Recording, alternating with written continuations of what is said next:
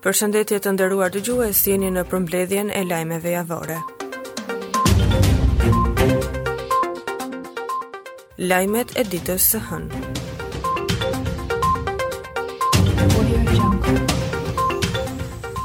Bledar Birçaj është ekzekutuar me armë zjarri sot në zonën e njohur si Bishti i Kalldrëmit në Vlorë. Dyzet vjeçari po udhëtonte me një makinë tip BMW kur një makinë ka ardhur në drejtim të tij dhe nga mjeti është qëlluar me armë drejt makinës. Personi i plagosur është dërguar në spital ku dhe ka ndërruar jetë.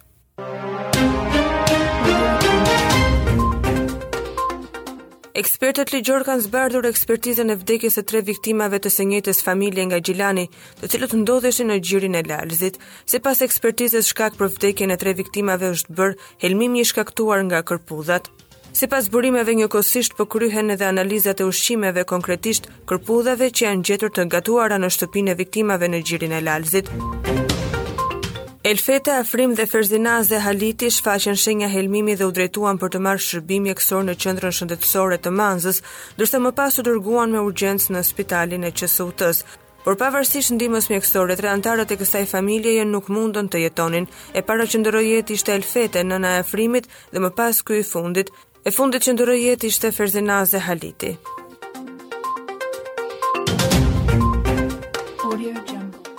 Ambasadorja e Shteteve të Bashkuara Yuri Kim në aktivitetin e zhvilluar në Ditën e Drejtësisë në Shqipëri u shpreh se reforma në drejtësi po ecën dhe se po jep rezultatet e saj.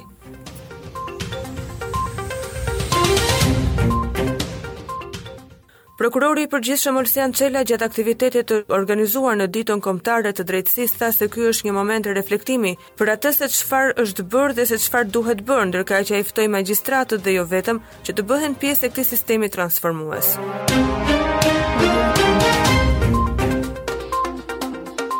Në ditën e drejtësisë, presidenti Ilir Meta shprehet se ka ardhur koha për t'i dhënë fund kapjes së shtetit nga pandëshkueshmëria. Kryeministri Edi Rama ditën e sotme ka zhvilluar një takim me deputetët e rinj të zgjedhur me 25 prill në Pallatin e Brigadave. Teksa ka mbajtur fjalën e tij, Rama ka folur edhe për shkarkimin e presidentit Ilir Meta, duke thënë se do të bëjë gjithçka ka në dorë për ta shkarkuar.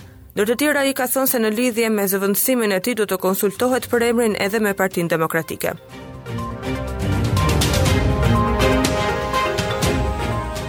Ish kryeministri Sali Berisha ka komentuar nismën e Partisë Socialiste për të shkarkuar presidentin Ilir Meta. Në një postim në rrjete sociale Berisha shprehet se e dënon ashpër këtë veprim, duke e cilësuar si akt puçist dhe destabilizues.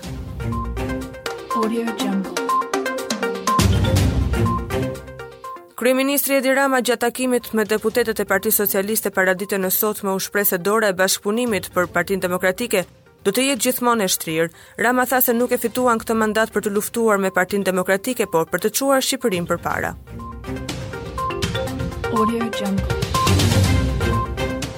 Partia Demokratike përmes sekretarit të përgjithshëm Gazmend Bardhi ka bërë të ditur se ka kallëzuar në SPAK kryeministrin Edi Rama, Frrok Gjini, kandidati i Partisë Socialiste i renditur i pesti në listën për Shkodrën dhe disa të tjerë nën akuzën, e blerjes së votës.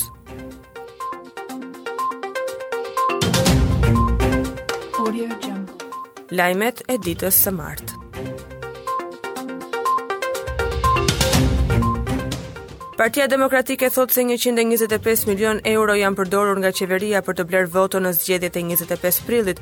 Sipas deputetes Jorida Tabaku nga një janari deri në 25 prill janë kryer 125 milion euro transferta qeveritare të pakushtëzuara për rindërtimin në 11 bashki. Tabaku tha se SPAK nuk ka marrë ende asnjë veprim për hetimin e krimit zgjedhor.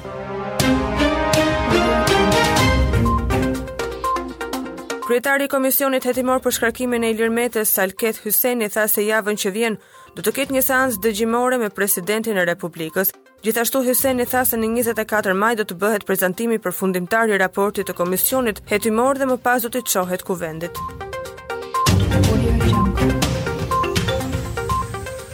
Pjesë e diskutimeve të komisionit hetimor për shkarkimin e presidentit ishte dhe zgjedhja e ekspertëve për të dhënë fund vlerësimeve të tyre. Anëtari Spartak Braho tha se komisioni të mos nxitohet pasi ekspertët duhet të jenë me tituj të vlerësuar pasi një ekspertizë e keqe mund të varrosë të gjithë hetimin.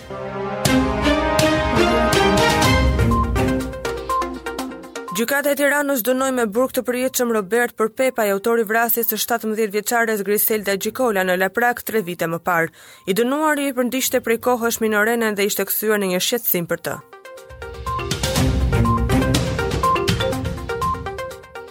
Një ngjarje e rëndë ka ndodhur ditën e sotme në zonën e Martaneshit, ku është shembur një galeri dhe minatorët kanë mbetur brenda.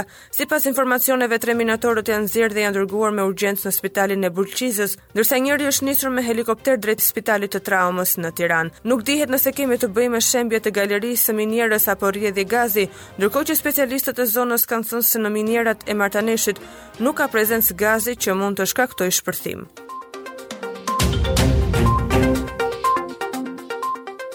Policia e shtetit njofton se një 32 vjeçar ka rënë në prangat e policisë pasi ishte në kërkim për veprën penale trafikim narkotikësh. Po ashtu, pas hekurave përfundoi dhe një tjetër person për veprën penale përkrahje autorit të krimit.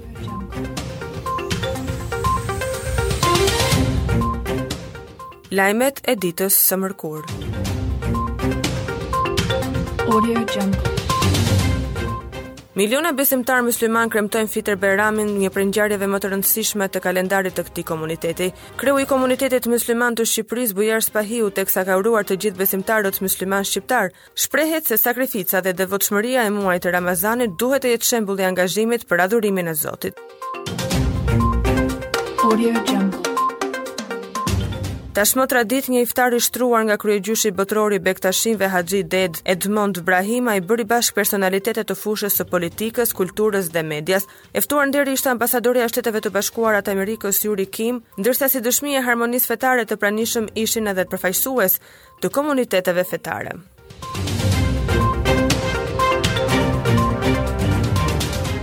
Është zbardhur dëshmia e Silvana Çakës, e cila mbrëmjen e djeshme së bashku me bashkëshortin Everest Çaka ranë pre një atentati ku humbi jetën bashkëshorti i saj.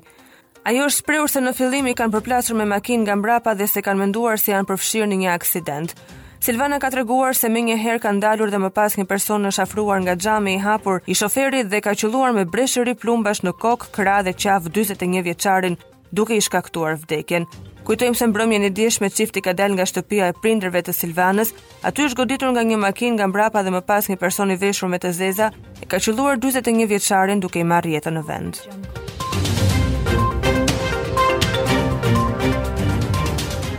Përfaqësuesi juridik i Partisë Demokratike Marash Logu, në Komisionin e Ankimimeve dhe Sanksioneve në Komisionin Qendror, ka paraqitur argumentet që sipas tij legjitimojnë shpalljen e pavlefshmërisë së votimit në këtë qark. Sipas tij, periudha para dhe paszgjedhore u shoqëruan me shkelje të rënda të ligjit që cënuan procesin zgjedhor dhe ndikuan në shpërndarjen e mandateve.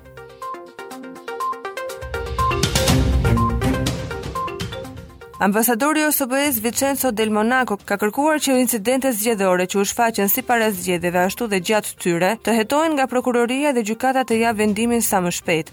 Ai tha se kjo është rruga e duhur e të bërit demokraci që ngjarjet të hetohen, ndërsa theksoi se njerëzit duhet të kenë besim tek institucionet.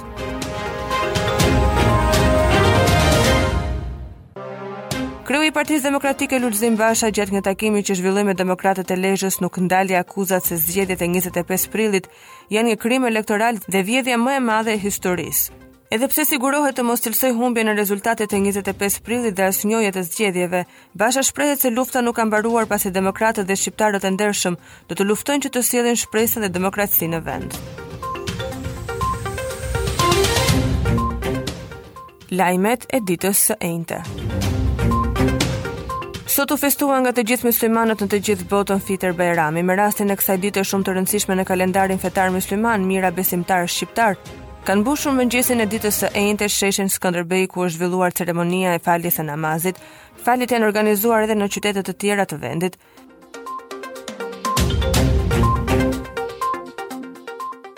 Gjatë faljes së namazit një person tentoi të vetëdigjej me benzinë. Personi identiteti i të cilit nuk bëhet i ditur, është përpjekur që të prishë ceremoninë. Presidenti Ilir Meta ka uruar besimtarët myslimanë nga komuniteti mysliman shqiptar ku zhvilloi një vizitë.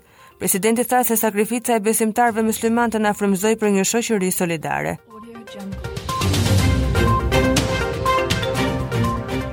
Komisioni i Pavarur i Kualifikimit vendosi më 14 prill të ndërpresë procesin për rivlerësimin për gjyqtarin e Apelit të Tiranës, Gramoz Levanaj, për shkak të dorëheqjes së tij si dhe t'i heqë të drejtën për t'u emëruar në institucionet e drejtësisë gjatë 15 viteve të ardhshme. Në vendimin e zbardhur së fundmi thuhet se procesi i rivlerësimit për Levanaj është ndërprerë pasi ai ka deklaruar dorëheqjen. Trupa e shortuar për kryerjen e procesit të vettingut për Levanajn Kryesohej nga Brunilda Bekteshi me relator Olsi Komiçin dhe anëtare Firdes Shulin. Dy ditë para se të zhvillohej seanca, gjyqtari Gramoz Levanaj i ka kërkuar komisionit të pezullojë procesin deri në shqyrtim nga ana e këshillit të lartë gjyqësor. KLGJ të kërkesës së tij për heqje dorë në mënyrë të parevokueshme nga statusi i gjyqtarit si dhe nga detyra në gjykatën e apelit në Tiranë.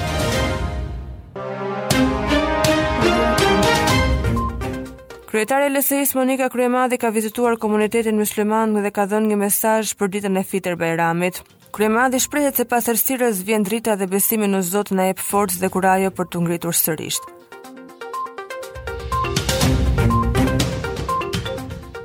Referuar të dhënave në INSTAT, pandemia e COVID-19 ka rezultuar fatale për rritjen e vdekshmërisë në vend, duke regjistruar shifrën më të lartë historike. Sipas studimit, numri i vdekjeve është rritur me 55.8%.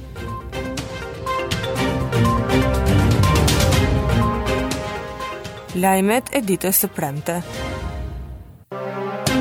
Xhezmi Oshafi, 68 vjeç dhe Aurora Basha, 22 vjeçe janë dy nga viktimat e aksidentit tragjik në Lushnje, i ndodhur paraditen e sotme në hyrje të fshatit Bubullim.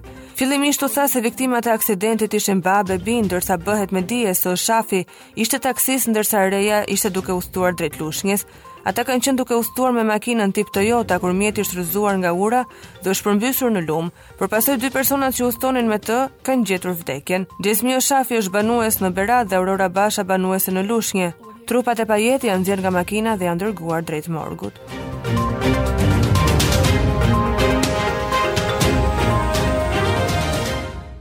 Reshjet e pazakonta të breshërit dhe të shiut që kanë përfshirë qytetin e Shkodrës kanë shkaktuar dëme të mëdha në bujqësi. Drejtori i bujqësisë në Bashkinë Shkodër Alban Sekja thotë se janë rreth 350 hektar tokë që kanë dëmtime të shumta në bujqësi.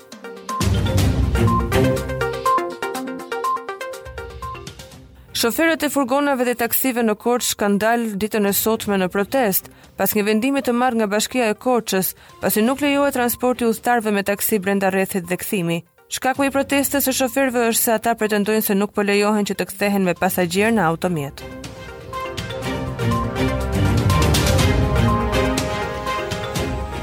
Ministrja për Europën dhe Punët e Jashtme Olta Xhaçka gjatë takimit të dytë online theksoi se Shqipëria qëndron në të njëjtën linjë sa i përket prioriteteve dhe vendosmërisë për të rritur bashkëpunimin rajonal me një fokus të veçantë tek të rinjtë. Audio Jungle. Ditën e sotme është mbledhur komisioni hetimor që do të shqyrtojë kërkesën e mazhorancës për shkarkimin e presidentit Ilir Meta. Komisioni është drejtuar nga deputeti Alket Hyseni, i cili miratoi emrat e dy ekspertëve ligjorë, që do të jenë Erind Mërkuri dhe Artan Spahiu. Audio Jungle. Kryetari i Partisë Demokratike Lulzim Basha ka qenë ditën e sotme në Fier ku ka takuar disa demokratë. Gjatë fjalës së tij ai ka thënë se nuk do të dorëzohet dhe beteja do të shtrihet në çdo rrugë për ndryshim. Ai ka bërë thirrje mazhorancës që të ruhet nga durimi i të duruarit. Më tej Basha është shprehur se zgjedhjet e 25 prillit janë të papranueshme dhe nuk do të njihen kurrë.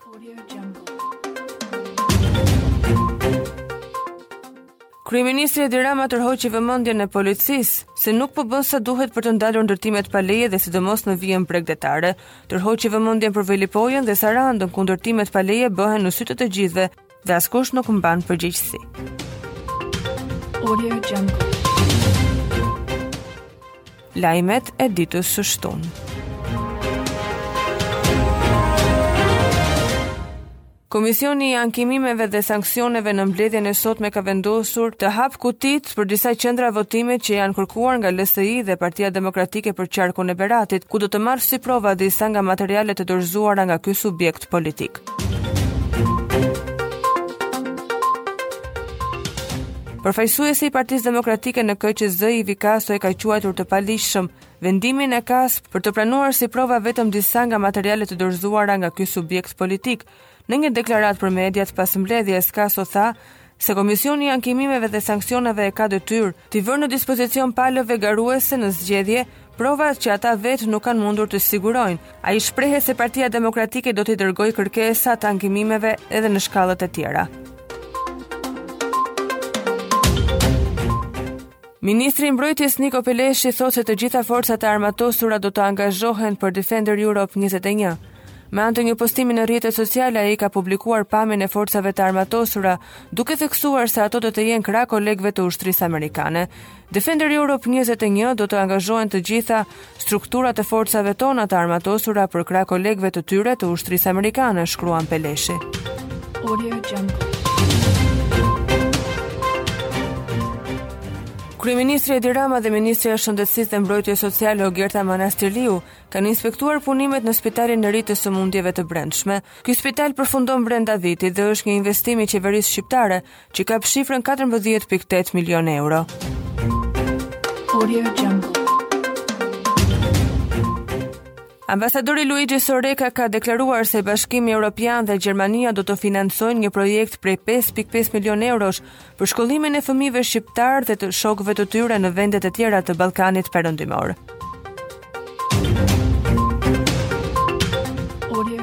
Ish presidenti Bujar Nishani ka theksuar edhe një herë sot se duhet të merren përgjegjësitë për humbjen e Partisë Demokratike, ndërsa shtoi se kjo parti është më e madhe sesa një kryetar dhe karrikja.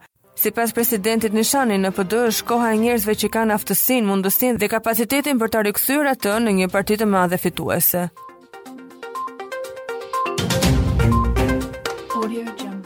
Kanë përfunduar procedurat për njohjen e patentave me Italinë. Kjo marrëveshje e cila u miratua në 17 mars dhe nga qeveria shqiptare, do të hyjë në fuqi në 12 korrik të këtij viti.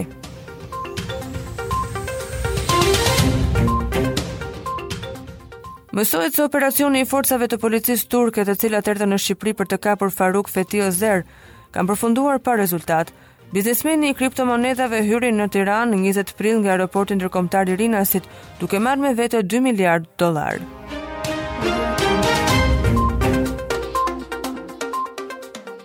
Marius Dema i riu që qëlloi për vdekje shokun e tij Mehmet Qema teksa po qëndronin në një lokal në lagjen 5 Maj në kryeqytet, ka dalë ditën e shtunë para gjykatës. Ai dhe shokët e tij, që ishin të pranishëm të cilët janë miq të të dyve dhe akuzohen për moskallëzim krimi, kanë dalë kokulur para gjykatës, ku do të njihen me masën e sigurisë.